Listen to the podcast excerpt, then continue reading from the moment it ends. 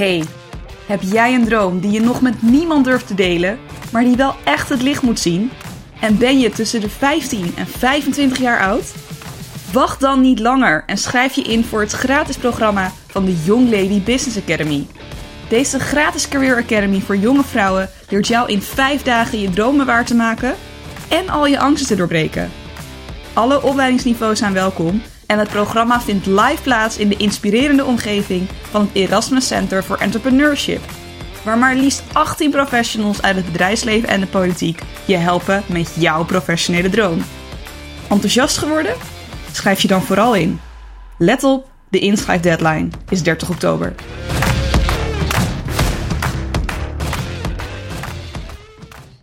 Welkom bij een nieuwe aflevering van de podcast van de Young Lady Business Academy. De plek waar we in gesprek gaan met succesvolle vrouwen over het bereiken van hun dromen en doelen. Mijn naam is Amanda Bakker, maker van Female Boss podcast en jullie host vandaag bij de Young Lady Business Academy. Communicatie is dé sleutel tot succes. Goede communicatievaardigheden zijn essentieel om je doelen te bereiken, zowel persoonlijk als professioneel. Ze helpen je namelijk om je ideeën over te brengen, anderen te overtuigen en relaties op te bouwen.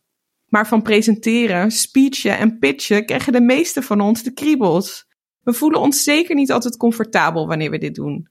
En daarom zitten we in deze aflevering met twee experts aan tafel, die ons gaan helpen dit onderwerp minder ongemakkelijk te maken. De eerste dame is rolmodel bij de Young Lady Business Academy en eigenaresse van The Speech Republic. Daarmee helpt ze mensen met hun verhaal vinden, doorleven en deze impactvol overbrengen. Dit doet ze voor CEO's, politici, kabinetsleden, ondernemers, professionele TED-sprekers en wetenschappers in binnen- en buitenland. Kortom, Maartje van Bavel is dé expert op het gebied van storytelling en presenteren. De tweede dame die is aangeschoven is Jasmine van Dijk.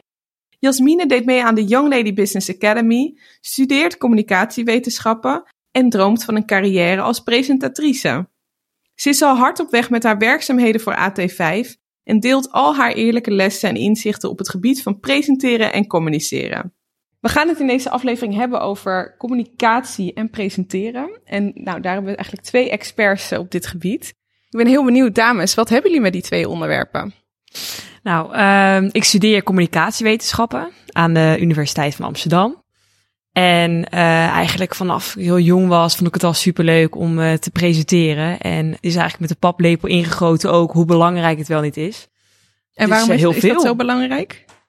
Nou, omdat je het, het is, ja, waar je ook komt, wat je ook wordt, wat je gaat doen, uh, goed kunnen presenteren is wel gewoon, als je dat kan, als je dat goed kan, ja, dat is wel echt, heb je wel een uh, streepje voor. Kijk even naar links, maar volgens mij is dat wel echt, uh, heb je wel echt een streepje voor als je dat gewoon goed kan. En jij zegt dat werd met, met de paplepel ingegoten. Ja. Kwam dat vanuit je ouders, uit het gezin? Of? Um, nou, een heel grappig voorbeeld is eigenlijk dat bijvoorbeeld mijn vader was altijd, uh, ik woon samen met dan, met mijn broer nog, dus één broer en dan mijn ouders. En mijn broer en ik wilden altijd bepalen wat we gingen eten. Dus mijn vader zei dan van, nou, oké, okay, ga maar zitten. En kom maar met argumenten. Ga maar staan. Ga maar even je verhaal vertellen. Waarom, wat, ja, wat wil je eten? Oh, en twee argumenten waarom je dat wil eten. Of waarom jij verdient dat wij dat gaan eten vandaag, weet je wel? Ja. En eerst dacht ik echt van, ja, wat is het, pap? Heel irritant. Is het, doe even normaal. Ik wil gewoon stampen. Ik wil gewoon stampen. ja. Vind ik helemaal niet lekker. Oh. ik wil gewoon, thai. ik wil gewoon thai. Uh, en maar daarna ging het eigenlijk wel waarderen. En werd ik er eigenlijk steeds beter in dat je gewoon wat je zegt kan onderbouwen. En ja, nu heb ik daar eigenlijk heel veel profijt van. Wat goed. ja. leuk. Dus een beetje club, zeg maar, maar dan aan de eettafel. Ja, ja precies. Mooi. En die affiniteit ben je dus blijven houden. Ja, en uh, ik heb niet per se communicatiewetenschap, ben ik niet per se gaan studeren vanwege echt het communiceren, maar ook meer de psychologische kant. En ik vind presenteren gewoon ook heel erg leuk om te doen. Maar ja, je merkt wel dat ook met die coronacrisis goed kunnen communiceren, ook als het gaat om persconferenties, is zo belangrijk. Want het kan gewoon echt helemaal verkeerd gaan. Ja, ja, interessant. En is er al iets wat je ermee zou willen? Dat je zegt, dat zou ik daar later mee willen doen?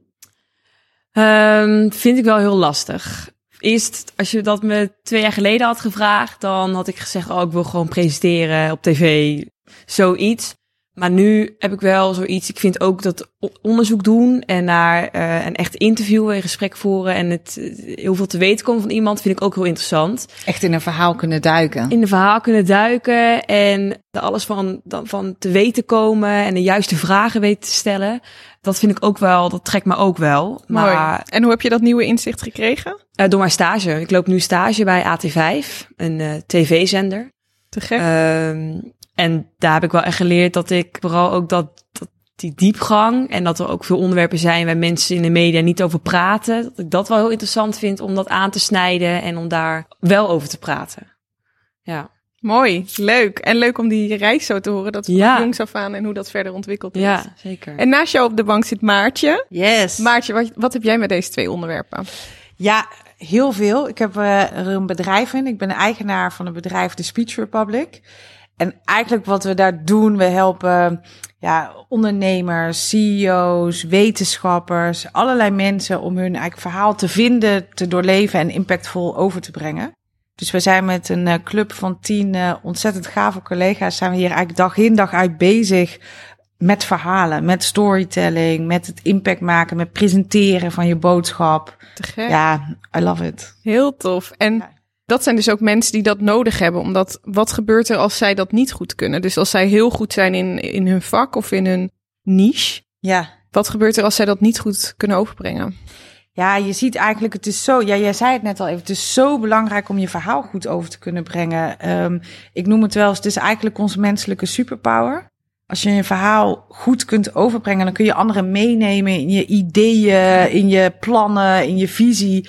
Want anders ben je maar alleen met het idee of met het plan of met je visie. Dus ja, als, als een wetenschapper een onderzoek heeft en hij, of die persoon kan daar vervolgens supergoed over vertellen.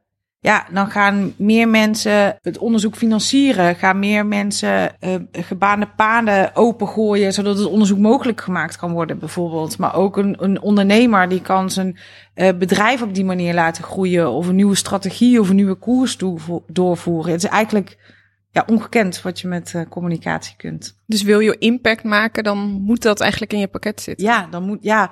Ze zeiden een tijd geleden ook dat storytelling eigenlijk een van de belangrijkste leiderschapskills is. Oh, mooi. En dat vond ik zo fascinerend. Vooral omdat je er een beetje twee stromingen soms bijna in hebt. Soms wordt het als het sausje eroverheen gezien, zeg maar. Mm -hmm.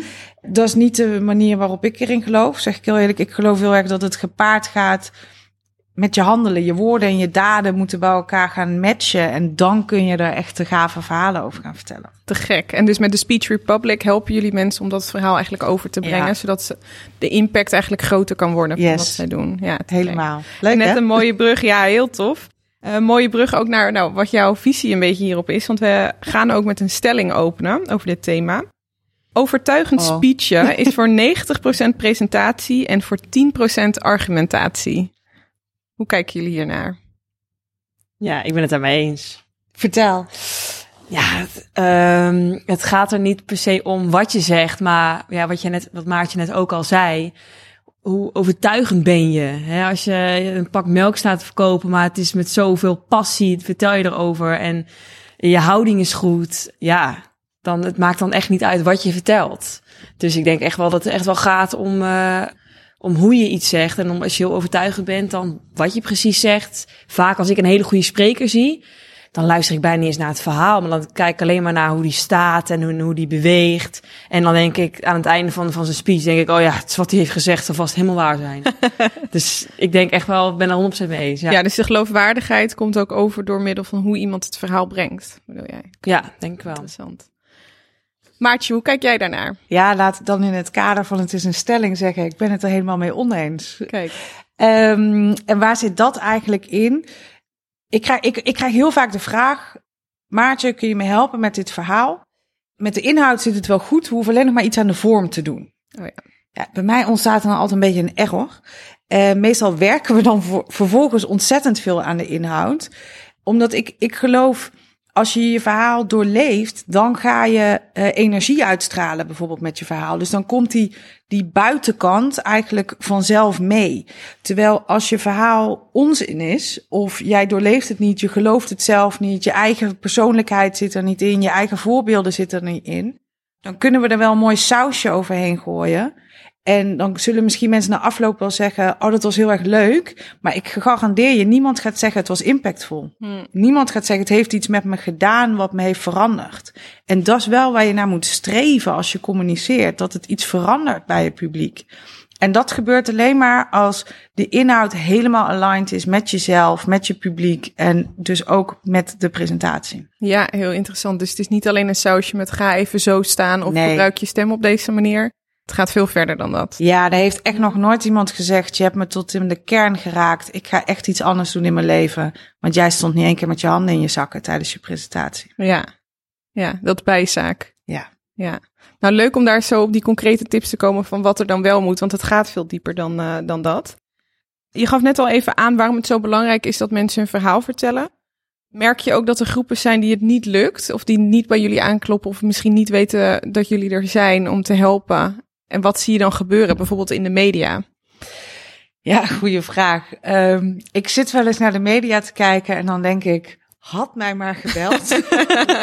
ja.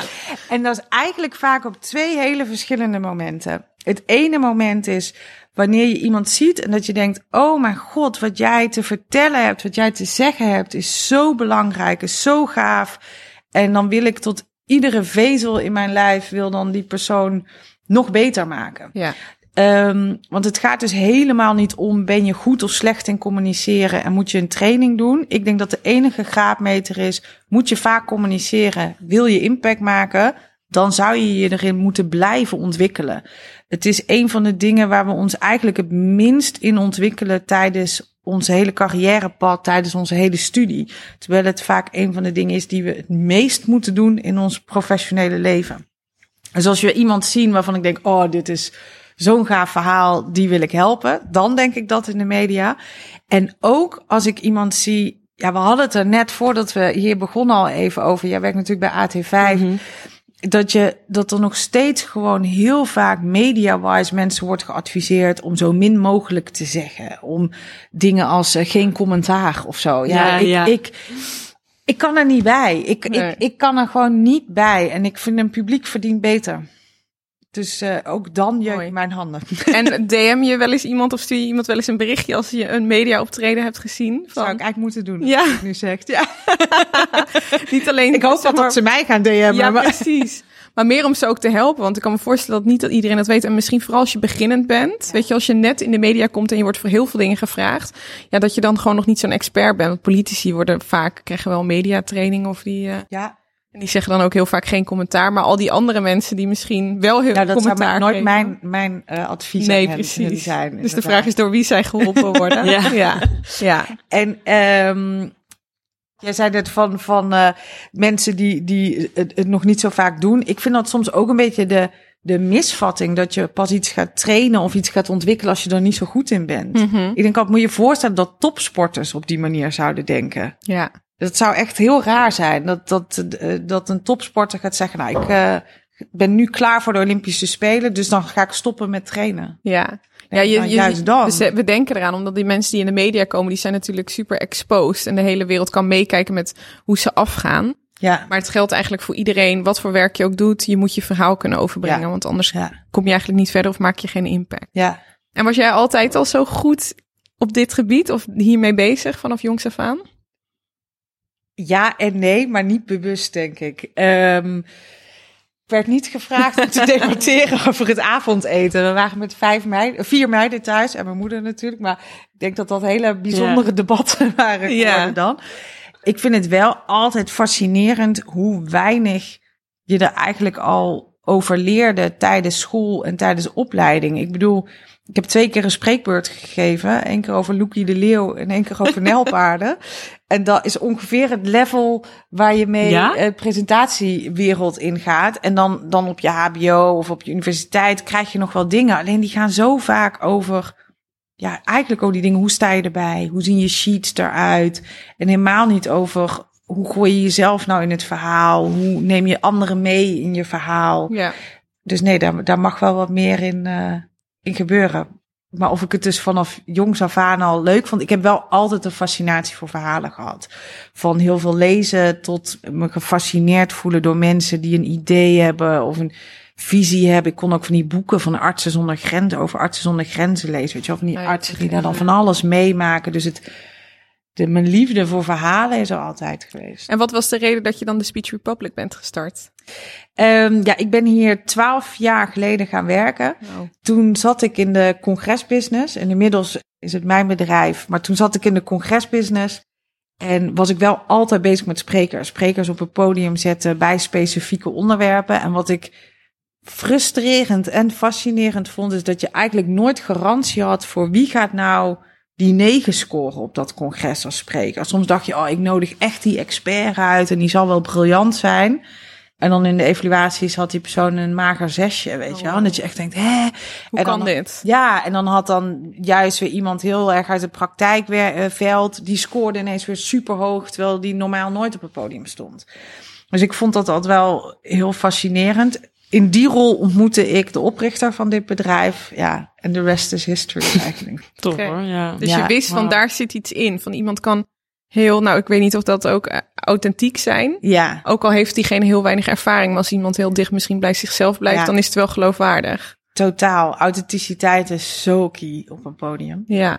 En zo moeilijk vaak. voor Nou, maar kun je dat echt trainen? Ja. Uit, want ik, aan mijn ogen dan, ja, je bent een persoon en dat moet er alleen uitkomen, maar kun je echt, Ja, door de training Trainen. kun je het eruit halen. Ja, ja, eigenlijk. precies, ja. En er is vaak heel veel moed en lef voor nodig om jezelf een beetje te durven laten zien op een podium. ja, En dat durven mensen vaak gewoon niet. Dus wanneer we mensen daarin wat moediger krijgen en meer lef geven en, en ze gaan daar mee aan de slag, ja, dan komen de mooiste verhalen ineens op een podium. En dan wordt het podium ook acuut een stuk simpeler, want met je eigen verhalen op het podium staan is een stuk makkelijker, ja. een stuk ja, ontspannender eh, dan met het verhaal van een ander eigenlijk op het podium staan. Dus meer persoonlijk maken eigenlijk. Ja, Ja. ja. Want hoe zie jij dat, Jasmin? Denk je dat het aangeboren of aangeleerd kan worden? Eh, allebei. Ja. Wel, denk ik. Ik denk dat je. eh, ik heb het wel met de paplepel erin gegoten gekregen. Maar ik denk dat ik ook wel geboren ben met dat het wel een beetje in me zat. Ook omdat ik het leuk vond. Ik denk dat dat ook wel belangrijk is als je het leuk vindt. Als Ja. je iets leuk vindt.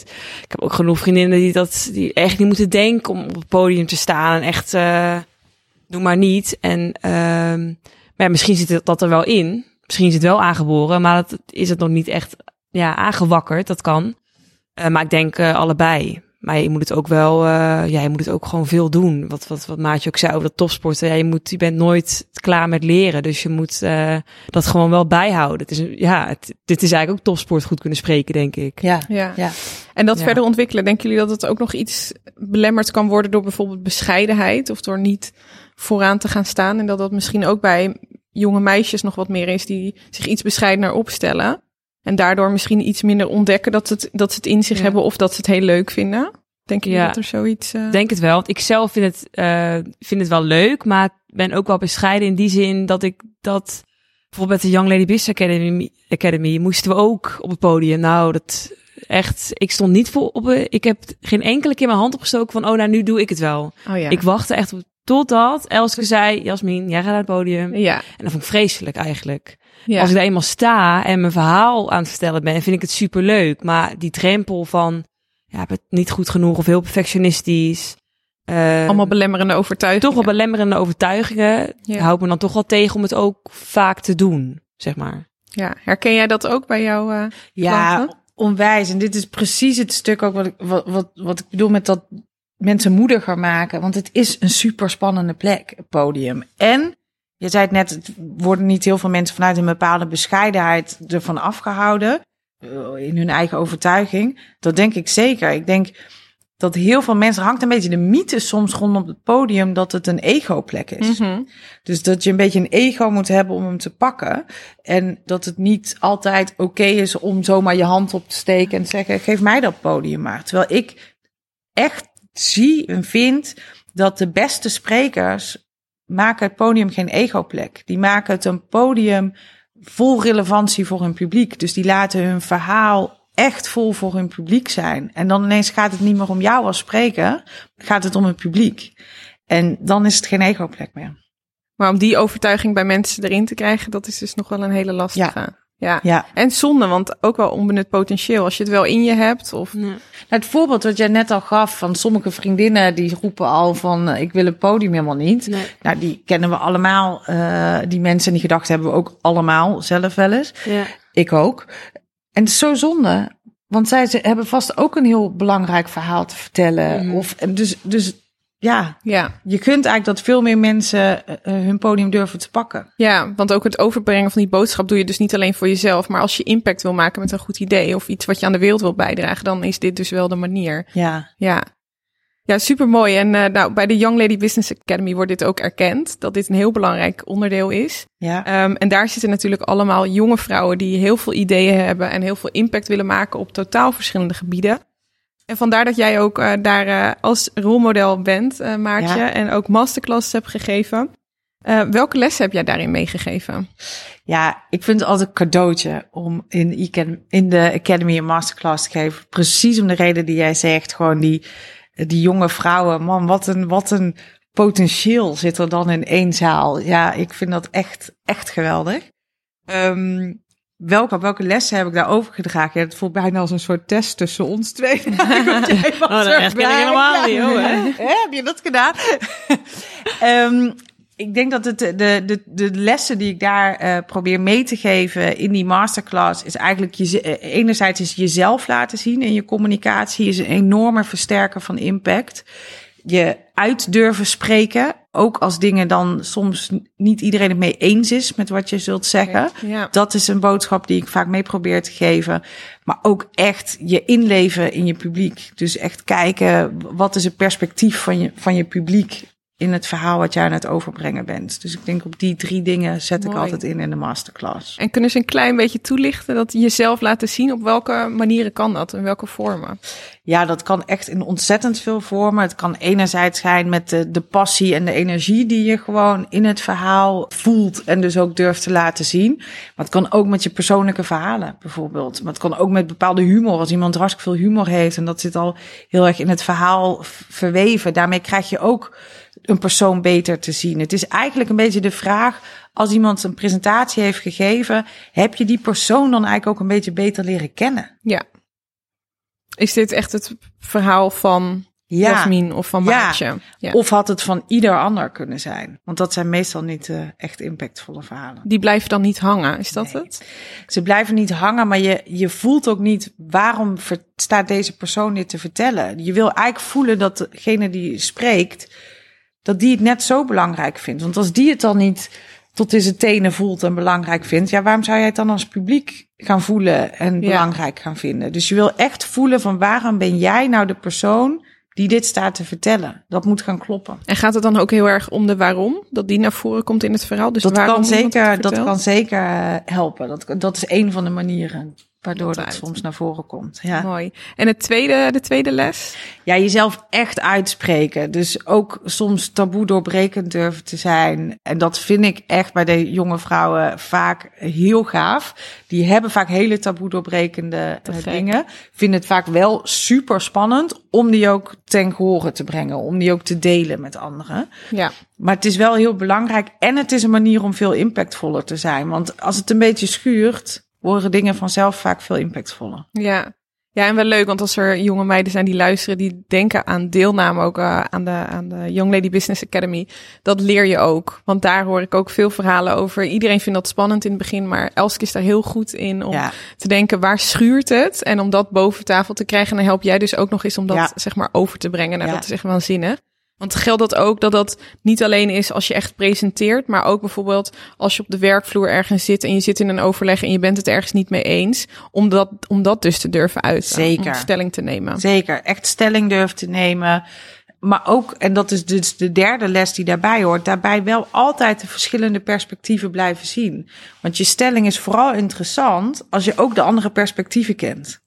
Want Ja. dan, dan, dan kun je hem ook in context gaan plaatsen. En dan kun je ook snappen waarom sommige mensen er anders naar kijken. En moet je die ook altijd beschrijven, die andere perspectieven of die invalshoeken? Je moet ze vooral allereerst zelf begrijpen, denk ik. Ja. Ja. Dus je hoeft die nog niet meteen in je argumentatie per se mee te nemen.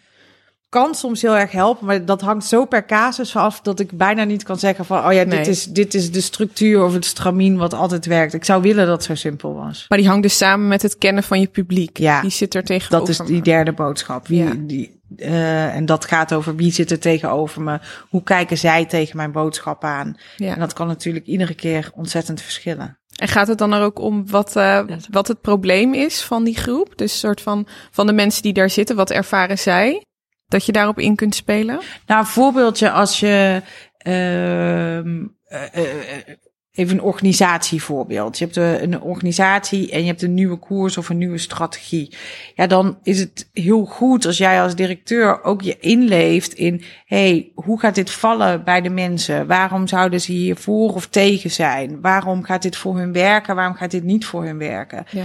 al die dingen moet je mee kunnen nemen, zodat je vervolgens ook je verhaal daarmee een beetje kunt laden. Zodat je ook kunt kijken, oké, want jij bent al hartstikke fan van je verhaal. Dat is Ja. een beetje het probleem. Meestal als jij het podium pakt, ben je zelf al fan van je Ja. verhaal, maar je publiek nog niet. Nee. Dus dan moet En je weer even mee? Ja, dan moet je echt gaan kijken hoe kan ik hen dan meenemen in Ja. mijn verhaal. What's in it for them? Ja, Ja. totaal. Jasmin? Ja, want eh, grappig, want wat je zegt, het ligt ook aan het publiek. Want, en dat, dat herken ik ook al, want ehm, sommige mensen die vinden het bijvoorbeeld heel fijn als een spreker heel persoonlijk is en eerst even met een persoonlijke anekdote komt. Ik merk zelf dat bijvoorbeeld als ik de, tv aanzet en ik zie dan dat iemand eerst heel persoonlijk gaat doen en dat om zodat het ja dat je dan wordt meegenomen dat ik dan denk van ja hey, kom nou even gewoon je boodschap wat is je boodschap dus dat dat dat ook wel echt kan verschillen in in, in inderdaad het publiek. Want ik bijvoorbeeld, ik ken genoeg vriendinnen die dat wel heel fijn vinden. Om even, oh wauw, oh wow, dan zit ze er helemaal in. Ja. En ik denk gewoon van, hup, ik kom gewoon, wat is je boodschap? Wat wil je vertellen? Wat wil je van mij? En eh, vertel Lekker dat to the gewoon. point. Gewoon Ja. to the point. dat is wel. Dat is ook wel een, een, een ding van, ja, hoe, eh, best wel moeilijk lijkt me dat. Hoe zorg Er is niet publiek- één verhaal, er is niet één manier waarmee je een publiek 100% mee krijgt. Er is nog nooit een verhaal geweest wat een 100% overtuigingsgraad had. Nee. Die bestaan niet. Nee. Nee. Dus je moet gewoon het overgrote deel, eh, Ja, en je moet dus het verhaal gaan vertellen wat voor jou Ja. dus klopt. Want dan, is het, dan vergroot je die kans om dat overgrote deel mee te krijgen. Maar ook dan heeft het in ieder geval voor jou geklopt. Ja, want bij mij ligt het wat verder van me weg als ik bijvoorbeeld zelf eerst een hele persoonlijke anekdote ga vertellen. Dus ik denk dat als ik dat zou doen, Voelt het niet Dan- authentiek? dan nee, dan voelt het niet authentiek en dan ga ik er ook minder in geloven, denk ik. In plaats van als ik eh, wel meer to the point van mijn verhaal, mijn boodschap overbreng, ga ik daar meer in geloven. Dus dan kun je het misschien ook beter Als je, als je heel erg ver gezocht een persoonlijke anekdote gaat doen, omdat je denkt, oh, het is goed om te starten met een persoonlijke anekdote, it's gonna be awful. En dan horen mensen en dan komt het super artificial over en dan haakt iedereen af. Maar eigenlijk net zoals jij jezelf net in het begin voorstelde, met de anekdote over hoe je vroeger je eten Ja. moest pitchen. Ja, dat is super is authentiek, een- want het is gewoon je eigen verhaal. Ja, het is ja. eigenlijk precies hetzelfde. Ja, maar ja, dat, vind ik, dat kan ik ook wel. Herinner ik me ook wel aan masterclasses. Dat eh, eerst was ik wel van oké, gewoon. eh, want ik ben zelf best wel to the point. Dus ik ga ook een boodschap to the point. En ik had toen nog niet mijn speech gegeven. Toen na jouw masterclass had ik het wel even aangepast van ah, hè, want ik ging toen iets speechen over dat ik een eigen mediabedrijf wil en wat er allemaal mis is eh, aan de tv-zenders en aan de Nederlandse media. en wat Je heb jij toen taboe geleerd? ja. Dat goed doorbreken. Wat heb je toen geleerd, zeg maar, welke les die je hebt meegenomen in je speech? Nou, wel ook een beetje van, eh, wat doet het met mij als ik de tv aanzet? En dat, daar begon ik toen ook mee. Zie je? Van- Persoonlijk Kijk, gemaakt. Ja. Wat Ja. doet het met, van als ik de tv aanzet, dan, dan zie ik. En eerst was het gewoon van, eh, dat ik het meer als een feit verkondigde. Terwijl, nee, dat, voor iemand anders hoeft dat niet zo te zijn. Maar voor mij voelt het feiten wel en data, je verhaal moet kloppen, hè? laat ik dat even voorop stellen. Mhm. Dus feiten en data zijn leuk, maar ze winnen nooit iemands hart. Nee. En wat is er dat daarin zit als jij dus begint? Is dat dan bijvoorbeeld ook herkenbaarheid? Dat het publiek denkt, oh, wat Jasmin heeft, dat heb ik ook. Dus als ik tv kijk, dan, her dus dan dat ze enige herkenning Ja. vinden in het verhaal. Is dat ook een soort van een van de punten waarom het dus werkt? Nou, ik denk eh, juist wat, je, wat je- wat Maartje net zei, een stukje dat ze mij ook beter leren kennen. Ja. Dat Ja. denk ik. Ja. Dat ze een band voelen met wie er op het podium staat. Er is connectie nodig tussen spreker en publiek. Die is heel hard nodig Ja. om, om een boodschap over te kunnen brengen. Zonder die connectie ja, wordt de boodschap niet gehoord. Ja, en ik denk dat heel veel mensen het, het presenteren dus heel spannend vinden. En vooral dat authentieke is dan moeilijk, weet je. Want dan ga je toch een beetje misschien volgens de regels doen. En dan ga je misschien iets meer leunen op die feiten of de argumenten die je wil overbrengen. Wat zijn enkele praktische tips die daarbij kunnen helpen voor die authenticiteit? Soort van wat zijn onderdelen waar, om op te letten? En Maartje daar de sterren, ja. Ik ben ook aan het leren hier. Ja. Ehm, Waar kun je aan denken? Om ja, ik denk dat het allerbelangrijkste is dat je echt eerst gaat vinden van wat is nou die boodschap die ik over wil brengen? Wat wil ik nou echt bereiken bij dit publiek? Wat wil ik voor elkaar krijgen bij hen? Wat moet er eigenlijk anders zijn wanneer ik klaar ben met mijn verhaal? Als je die focus vindt, dan kun je daarna namelijk gaan nadenken: oké, welke verhalen, welke dingen moet ik dan gaan inzetten om dat doel te bereiken? En vaak beginnen mensen zonder antwoord te hebben op die eerste vraag. Wat wil ik nou echt dat mijn publiek anders gaat denken, doen of handelen door mijn verhaal? En als je die vraag weet te beantwoorden, ja, dan voel je die vaak ook tot in je kern. En dan is het ineens een heel stuk makkelijker om authentiek te zijn. Want dan heb je heel duidelijk je doel, je missie ook gevonden eigenlijk voor je, voor je presentatiemoment. Ja. Heel veel presentaties worden missieloos gegeven. Hmm. En dan zijn ze per definitie niet inspirerend. Ja, dus echt de tijd nemen om na te denken, wat wil ik hiermee bereiken? En dat lijkt zo'n open deur, Ja. zo'n simpele vraag. Als Maar ik dit nu zeg, dan denk je, oh ja, dat is toch logisch.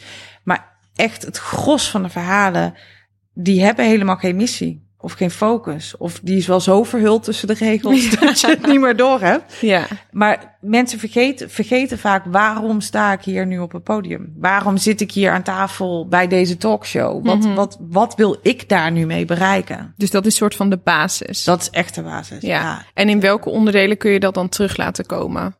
We hoorden al net iets over het intro. Dus om in het begin een persoonlijke anekdote bijvoorbeeld Oh, te de, delen. de persoonlijke anekdote hoeft helemaal niet in de intro te zitten. Die mag overal zitten. Eh, eh, Maar de persoonlijke anecdote aan zich is dus wel een Ja, element wat zeker, hierbij helpt. zeker. Ja.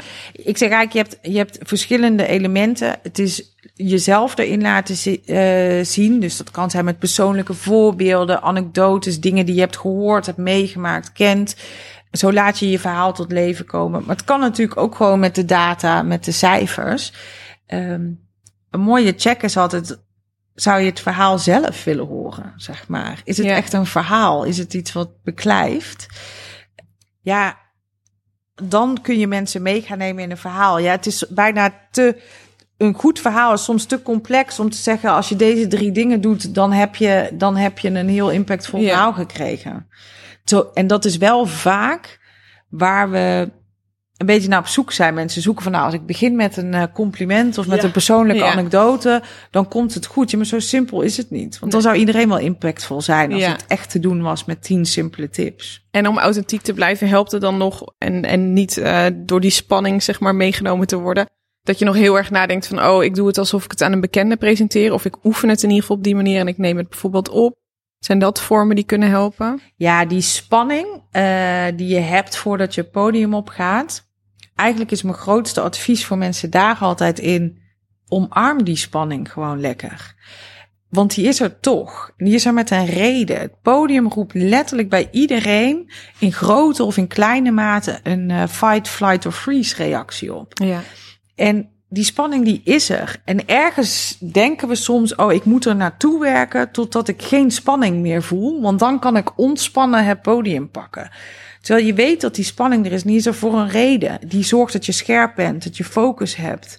Dat je misschien een beetje zenuwachtig bent en je daardoor beter bent gaan voorbereiden, bijvoorbeeld. Dus Ja. die helpt je ergens ook. Dus echt denk ik, omarm die spanning. Accepteer dat die zenuwen er zijn.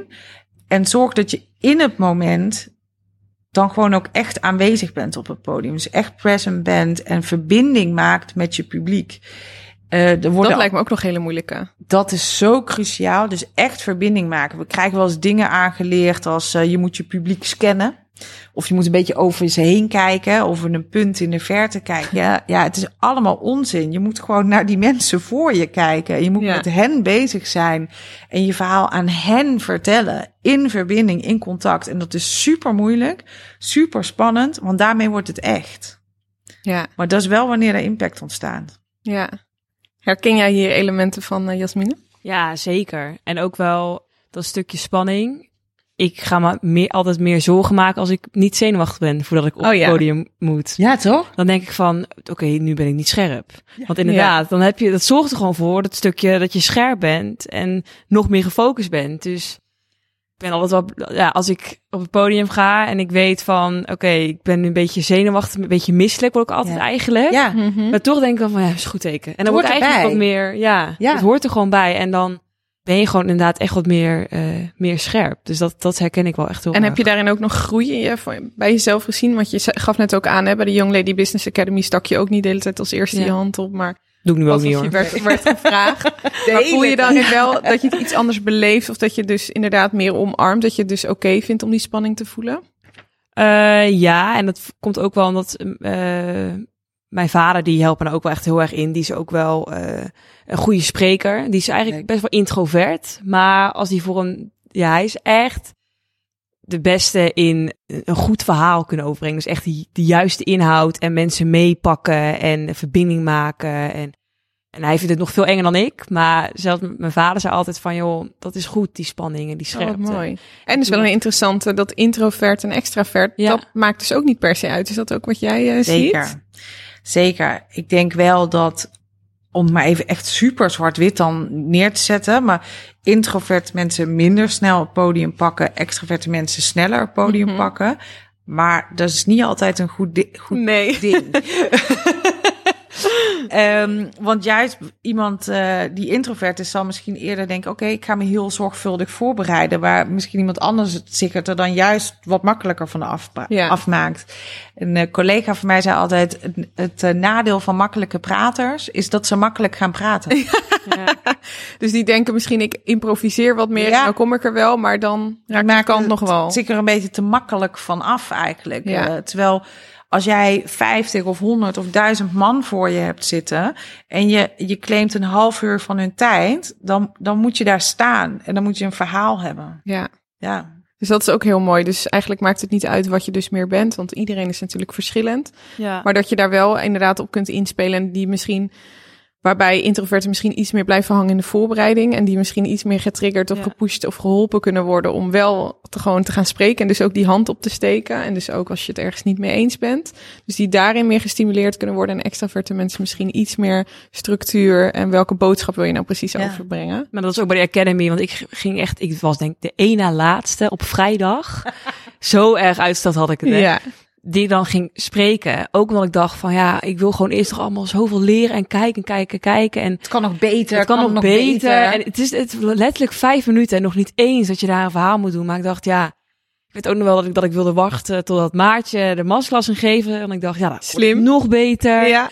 En dan dus zeg maar wel toch al een beetje wat meer introvert. Dat je toch wel ja, echt wel het, gewoon het allerbeste verhaal wil doen. Ook al is het niet voor 500 man. Toch gewoon, ja, al was het alleen voor Elske, had ik denk ik nog steeds zo gedaan. Zeker. ja. En wat voelde je toen je daar stond? Nou, dus voordat ik er eh, ging staan. Misselijk. misselijk en echt wel zenuwachtig.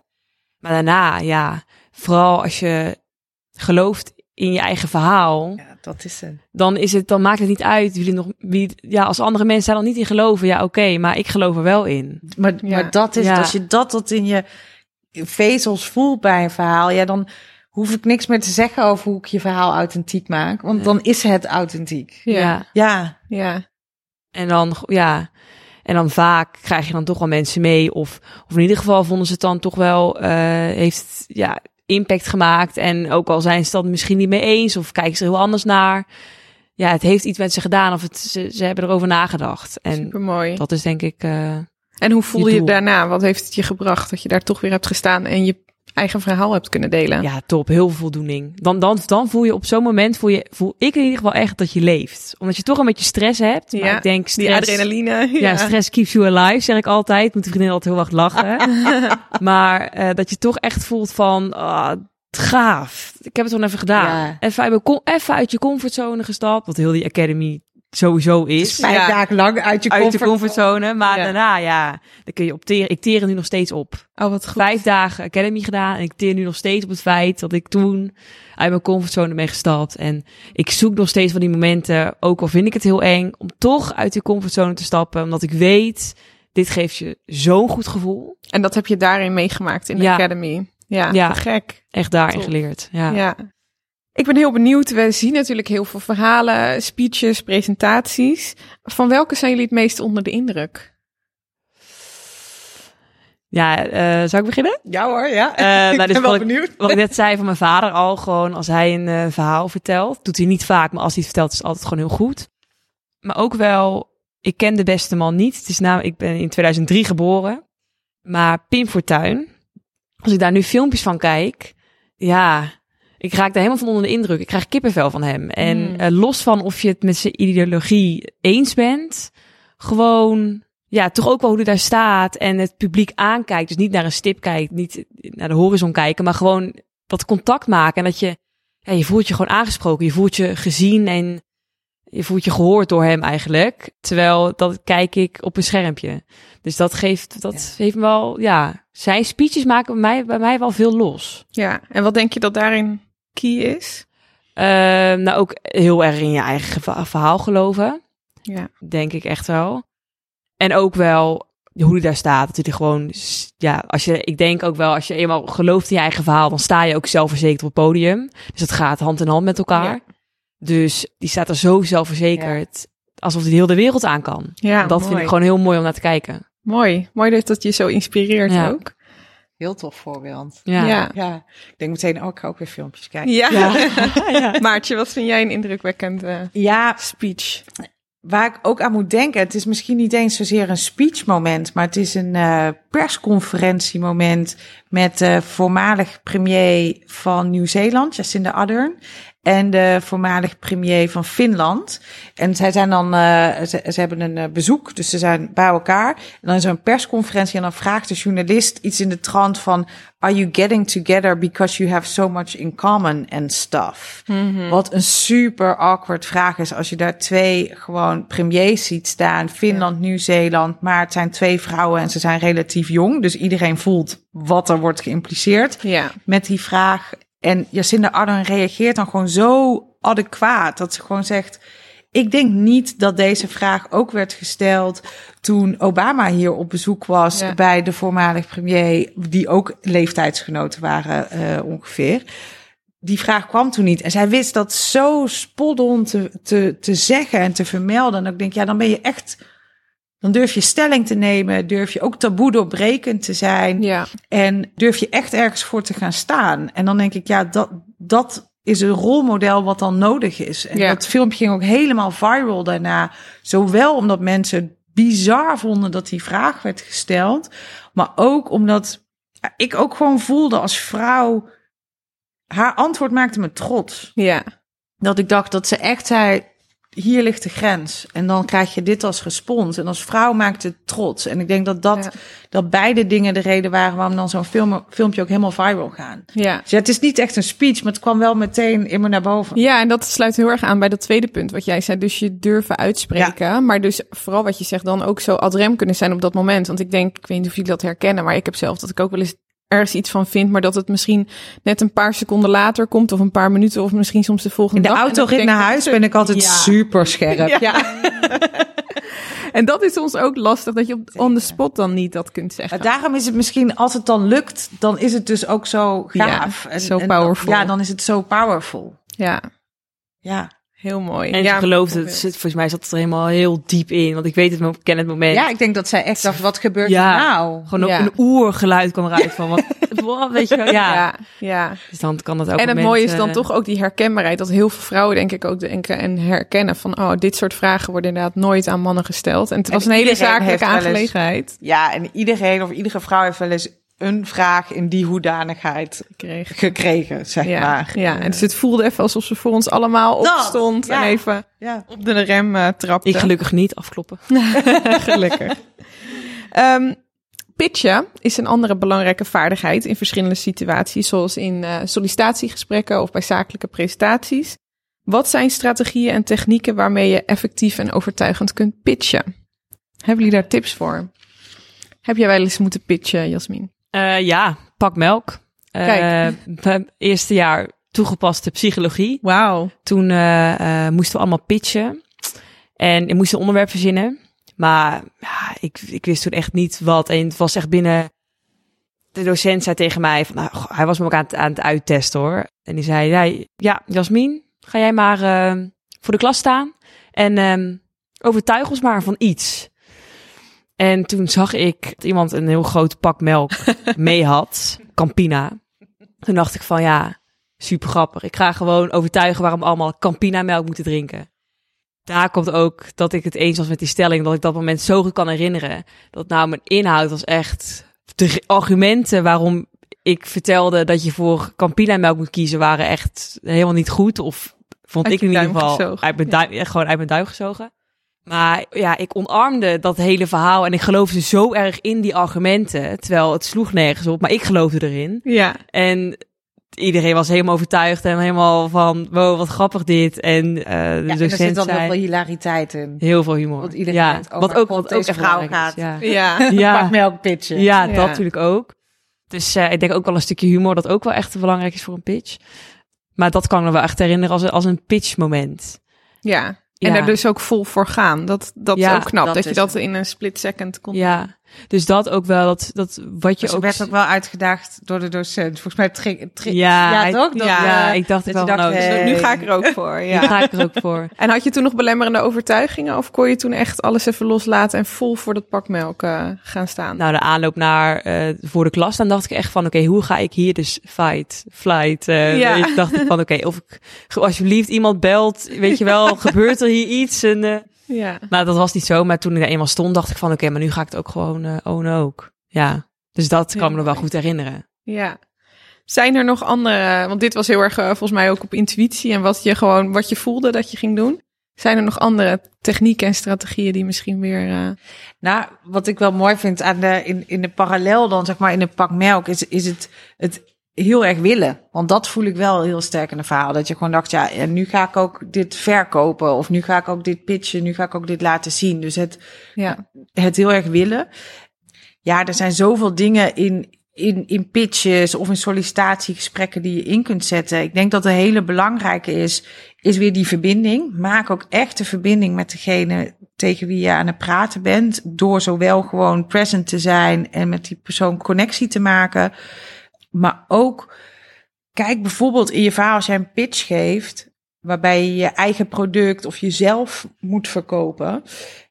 Denk eens na van oké, hoe gaat de wereld eruit uitzien als die, van die klant, als die klant met mij in zee gaat? Hoe gaat dat zijn wereld beter maken? Hoe gaat dat uh, haar wereld beter maken?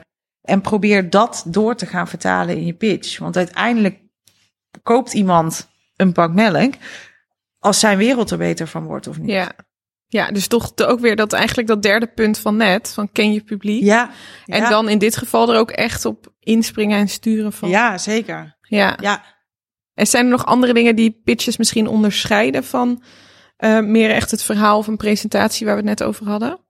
Ja, en dat zit op dat all-in gaan. Jij noemde het net ook al even, maar all-in durven gaan. En dat is super spannend. Want als je all-in gaat, is de afwijzing ook dubbel hard. Ja.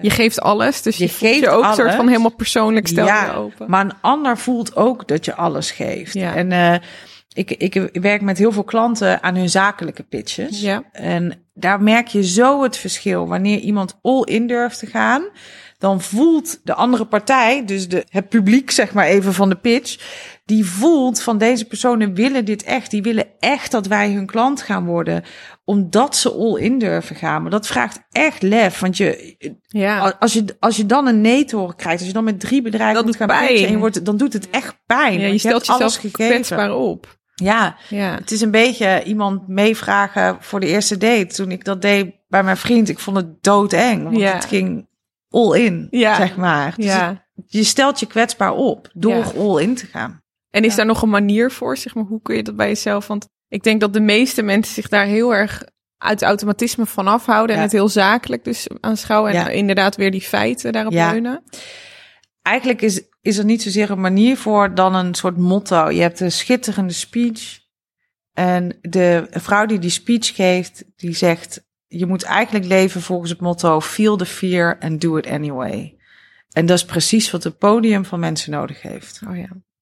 Ja, mooi. En ik kan me dat echt voorstellen, ook die weerstand die je voelt. En misschien ook die pitch, omdat het dan ook wat korter is. Dus je hebt misschien ook maar korter de tijd om mensen te overtuigen. Dat is heel wisselend. Soms is een pitch, jij, jullie bij de Academy hadden Ja. een paar minuten geloof ik. Maar eh, een zakelijke pitch is soms gewoon een uur. Ja, Ja, dus het, het, het Ja. wisselt zo, zoveel. maar voor al die dingen wordt eigenlijk bij jullie eh, aangeklopt. Dus Ja. voor zakelijke presentaties of pitches, maar ook voor media eh, optredens, dat soort Ja. dingen. En ook eh, voor andere vormen nog, voor... Voor presentaties, voor interviews. Maar ook gewoon als mensen zeggen, ja, ik wil gewoon fundamenteel krachtiger worden als communicator. Ja, Ja, mooi. En leuk om te zien dat het in al die aspecten terugkomt. ja is bizar. En ook weer dat de onderliggende elementen toch wel weer overeenkomen. Ja. Om het zeg Ja. maar over te brengen, je verhaal. We gaven net al aan, hè? eigenlijk om, het, om een boodschap over te brengen is het gewoon, het is geen sausje. Het is veel meer dan dat. Zijn, maar zijn er toch nog manieren waarop je wel met meer zelfvertrouwen ergens kunt staan? Dus die je sowieso meegeeft, nou, los van dat de hele inhoud moet kloppen Ja. en doorleefd moet zijn. Met meer zelfvertrouwen. Ja, ik zie jou al ja schudden, ik ben wel benieuwd. Maar het zit, ja, Ja. Dat, zelfvertrouwen, dat zit zo van binnen. Dus het zit ook heel erg op het stuk van het gewoon gaan doen. En het lef hebben. En gewoon soms tegen jezelf zeggen, ik ga het gewoon doen. Ik ga het gewoon proberen. En niet wachten tot het perfecte moment. En het perfecte verhaal. En het perfecte Nee. publiek. En het perfecte podium. Want het bestaat niet. Nee. En perfectie is super saai. Ja, Het is echt heel Ja. saai. die boodschappen, perfecte boodschappen, komen misschien ook niet over. Nee joh. Nee, helemaal Nee. niet. Als het allemaal zo gelikt en slik is, dan, dan, dan... Dus wat liever zijn voor jezelf en gewoon maar Wat liever en stoerder. en stoerder. Ja, ja, ja, ja. eigenlijk. Ja. Liever in de zin van dat het niet inderdaad perfect hoeft te zijn, maar stoerder door wel even ja, op dat podium te gaan staan, dat moment het te gewoon pakken. te doen. Ja. Want uiteindelijk door het te doen en te beseffen dat je eigenlijk stiekem best wel vaker podium pakt. In gesprekken, in settings. Je, je- het podium is niet alleen maar letterlijk die verhoging voor een paar honderd man. Je pakt Ja. best wel vaker podium. Als je je voorstelt aan iemand, als je iemand voor de eerste keer ontmoet. Als je solliciteert in een vergadering eh, met collega's. Je pakt best wel vaker podium. Dus denk ik, hé, hey, ik doe het eigenlijk al best wel vaak. Ja. Dus ik ga het nog meer doen. ja, supergoed. Ja. Heb jij iets wat jij tegen jezelf zegt, Jasmin, als om je hele leven weer door te laten zetten om dat moment om daar weer te staan? Ehm, nou, wat mij altijd wel heeft geholpen, is dat eh, toen, mijn vader heeft het ook toen tegen mij gezegd, toen ik daar best wel, toen ik het ook echt nog heel, echt heel eng vond, is dat hij dan zei van, ja, maar Mien, eh, mensen weten niet wat jij voorbereidt. Ja, Mensen zien alleen maar wat, Wat er jij is. nu zegt. Ja. ja. Want ik kon nog best wel vaak balen, dat ik dacht van, ah, maar ik heb zo'n belangrijk element, heb ik niet gezegd. Ja, dat had het misschien sterker gemaakt, maar who knows. Het gaat Ja. erom ja. dat wat je dus zegt, dat dat gewoon overtuigend is. En dat je daar helemaal voor staat. En dat je gewoon zelfverzekerd op het podium staat. Eh, dus toen ben ik ook wel van, ja, het- inderdaad, perfectie bestaat niet. En dat Nee. hoeft ook niet, want mensen zien niet wat jij hebt voorbereid al die tijd. Die zien alleen maar wat jij nu op dit moment zegt. Dus dat is wel, heeft mij in ieder geval echt heel veel eh, Goeie tip. lucht gegeven. Ja, Ja. ja. Zou je nu je hand eerder opsteken als je weer aan de Academy mee zou doen? Weet ik niet. Want ik denk dat ik toch wel wat bes- bescheidenheid wel blijf houden. En dat ik dat het toch wel een beetje diep geworteld zit. Komt natuurlijk ook door mijn leeftijd. Ik ben net twintig, dus het is ook misschien helemaal niet zo heel gek. Heel jong. Dat, eh, dat ik denk van ja, ze zitten niet op mij te wachten. Of er, mensen gaan wel eerder, eh, ja, andere mensen staan op die wat belangrijker zijn. Of als ze me nodig hebben, dan, dan, dan, dan vragen ze het wel aan. me. Of dan spreken ze me persoonlijk aan. Dus echt dat moment zelf pakken, dat vind ik nog wel lastig, ja. Dus dat, ik weet niet of ik dat ook nog zou doen nu. Ik al. denk dat het altijd lastig is. Ja. En altijd lastig blijft. En dat is waarom we er af en toe wat stoerder in moeten zijn. Ja. Ja. Want het gaat nooit niet lastig zijn. Het gaat nooit heel comfortabel voelen om veel eerder je hand omhoog te steken van Nee. ik pak het podium wel. Maar laten we alsjeblieft het podium pakken. Want wat je ook zei, zei in het begin, het voelt inderdaad alsof het, het podium een plek is voor, voor ego's. Ja, Van, oh, zij wil iets zeggen. Want Ja. dat, de stemmetje kijk in je mij hoofd, eens. hè? Ik ja. Ja. wel als eerst. Want, en, en het voelt ook als je heel vroeg je hand opsteekt, alsof je ergens zegt van kijk, want ik heb ook echt een briljant verhaal. Ja, Dus Ja. er gaan heel veel mechanismes werken. Maar ja, Dus dit moeten we allemaal le- lesson learned. Ja, Ja. pak gewoon dat podium. Steek gewoon je hand op. En je Eh, doet het niet alleen voor jezelf. Dat helpt meestal bij Ja. vrouwen om dat te denken van je doet het niet alleen ja. voor jezelf om jouw verhaal te delen, maar je wil andere mensen helpen Je wil of andere- verder brengen met jouw ideeën. Je wil anderen ermee raken. En Ja. vooral vrouwen wachten vaak lang met hun hand op, opsteken. En ook dit is Zo weer heel zwart-wit en generaliserend. Dus daar natuurlijk is dat, geldt dat niet voor iedereen. Maar ik vind het wel heel erg zonde. We hebben een stem en die mag gehoord worden. Vol. Ja, Vol. super mooi. Hele mooie tips en we gaan ook richting de afsluiting, eh, ladies. Wat zijn stappen die wij en de luisteraars en die ik nu kunnen nemen om hiermee aan de slag te gaan? Welke stappen kunnen we nu nemen om nog beter te worden in presenteren? Ja, je hand opsteken. Ja, gewoon doen. Ja. Je hand opsteken. En jezelf ja. afvragen, wat is het ergste wat er kan gebeuren? Ja. Ja. Dat ook weer, even dat relativeren. Ja. Dat, ja, dat, dat, dat heeft, helpt me ook hoor. Van ja, was echt, ja, je gaat niet dood. Eh, ja, het klinkt Ja. echt heel heftig, maar wat is het allerergste wat er kan gebeuren? Dat je een blackout krijgt. Ja, oké. Over een uur gebeurt er weer een ander moment en dan zijn ze dat allemaal weer vergeten. Dus Ja, en ook die blackout, die heb ik ook zien gebeuren bij echt grote of bekende sprekers. En dat is ook oké. ja. Want het, again, perfectie is super saai. Dus als het gebeurt, gebeurt het. het is heel Ja. menselijk ook. Het is hartstikke Ja. menselijk. En is het ook zo in dit geval van meters maken? Alleen zo leer je Ja, echt gewoon meeste? doen. En het helpt in ieder geval, want het gaat steeds meer een plek worden. Kijk, die spanningsreactie blijft, maar hij wordt misschien wel iets minder als je het regelmatiger doet. Ja, die comfortzone waar je Ja. het ook over had. Ja. Ja. En wat is jou- jouw eh, advies? Welke praktische stappen moeten we nemen? Ja, die zit ook in die lijn. Het, het gewoon gaan doen. Ja. En zorg dat je heel erg voelt waarom jij een bepaald verhaal wil vertellen. En echt het allerbelangrijkste, zorg dat je een beetje fun hebt erin. Heb plezier, heb lol, maak het leuk voor jezelf. Want spannend is het toch al. Ja. En wat als je niet direct een podium hebt, maar hier wel mee aan de slag wilt? Nog meer spreekbeurt over Loekie de Leeuw en Kijk, paarden. ja. nee, eh, zie, besef je dat, dat heel veel dingen eigenlijk een podium zijn. Dus je pakt hem vaker dan dat je hem doorhebt. En kun je voorbeelden noemen? Ja, dat zit in, in een gesprek. Of als je aan vrienden een idee wil vertellen. Of aan collega's of aan studiegenoten. Als je een pak melk moet pitchen. Ja. Eh, ja. Ja. Eigenlijk heel veel momenten. Al die momentjes, Ja, inderdaad. allemaal Of vrienden wil overtuigen als jij iets wil doen. Ja, om allemaal op vakantie naar die bestemming te gaan. En eh, Ja, super mooi. Ja, en ik, ehm, ik heb er zelf ook eh, mee eh, geworsteld dat ik dacht, oh, ik wil eigenlijk een veilige plek, want in, op je werk gebruik je het ook. Nou, in de podcast natuurlijk. En er zijn ook initiatieven zoals Toastmasters. De Young Lady Business Academy, dat is natuurlijk sowieso een plek waar je kunt presenteren. Maar Toastmasters is een vereniging die wereldwijd eigenlijk zit en die mensen eigenlijk helpt om iets comfortabeler te leren spreken bijvoorbeeld. Nou, dat zijn allemaal leuke initiatieven. Dit is één voorbeeld. Maar waar je er wel mee aan de slag kunt gaan en comfortabel kunt raken met jezelf eigenlijk. Hè? Ja. Ja, want dat is het volgens mij wat het is. Dat je ook jezelf kunt accepteren, zodat je voor een groep kunt staan. En dus zonder die belemmerende overtuigingen. En gewoon je verhaal durft te vertellen zoals je die echt voelt. ja, helemaal. Heel spannend, maar wel heel leuk dus. Ja. En het geeft een lekker Ja. gevoel. Ja, Super lekker. ja. Is er nog iets wat jullie tegen je jongeren zelf zouden willen zeggen op dit gebied? Qua ontwikkeling. Ja, ik ben zelf nog hartstikke jong, dus dat vind ik wel moeilijk. Ja, Oh, en ik? Nee. Nee, Ik ja, word 40 over een twee weken. Dus ook nog eh, ja. jong.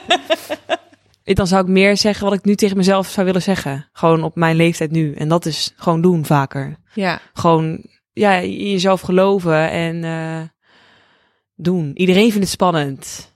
Dat ook, dat vergeet ik soms ook wel. Dat ik denk van, ook naar een Pim Fortuyn. En denk, oh, die, heeft, die kent vast geen zenuwen. Jawel, Ja. iedereen. Ook die vindt het misschien nog wel veel spannender. ja, Maar dat zien mensen niet. Mensen die zien, als ze ook na eh, die pitch bij de Young Lady Business Academy, zeiden ze ook tegen mij, oh Jas, dat je gewoon helemaal niet zenuwachtig bent. Ik zei, nou, je moet eens weten. wat er door dit hoofd in het Wat lijf door- gaat. ja, echt waar.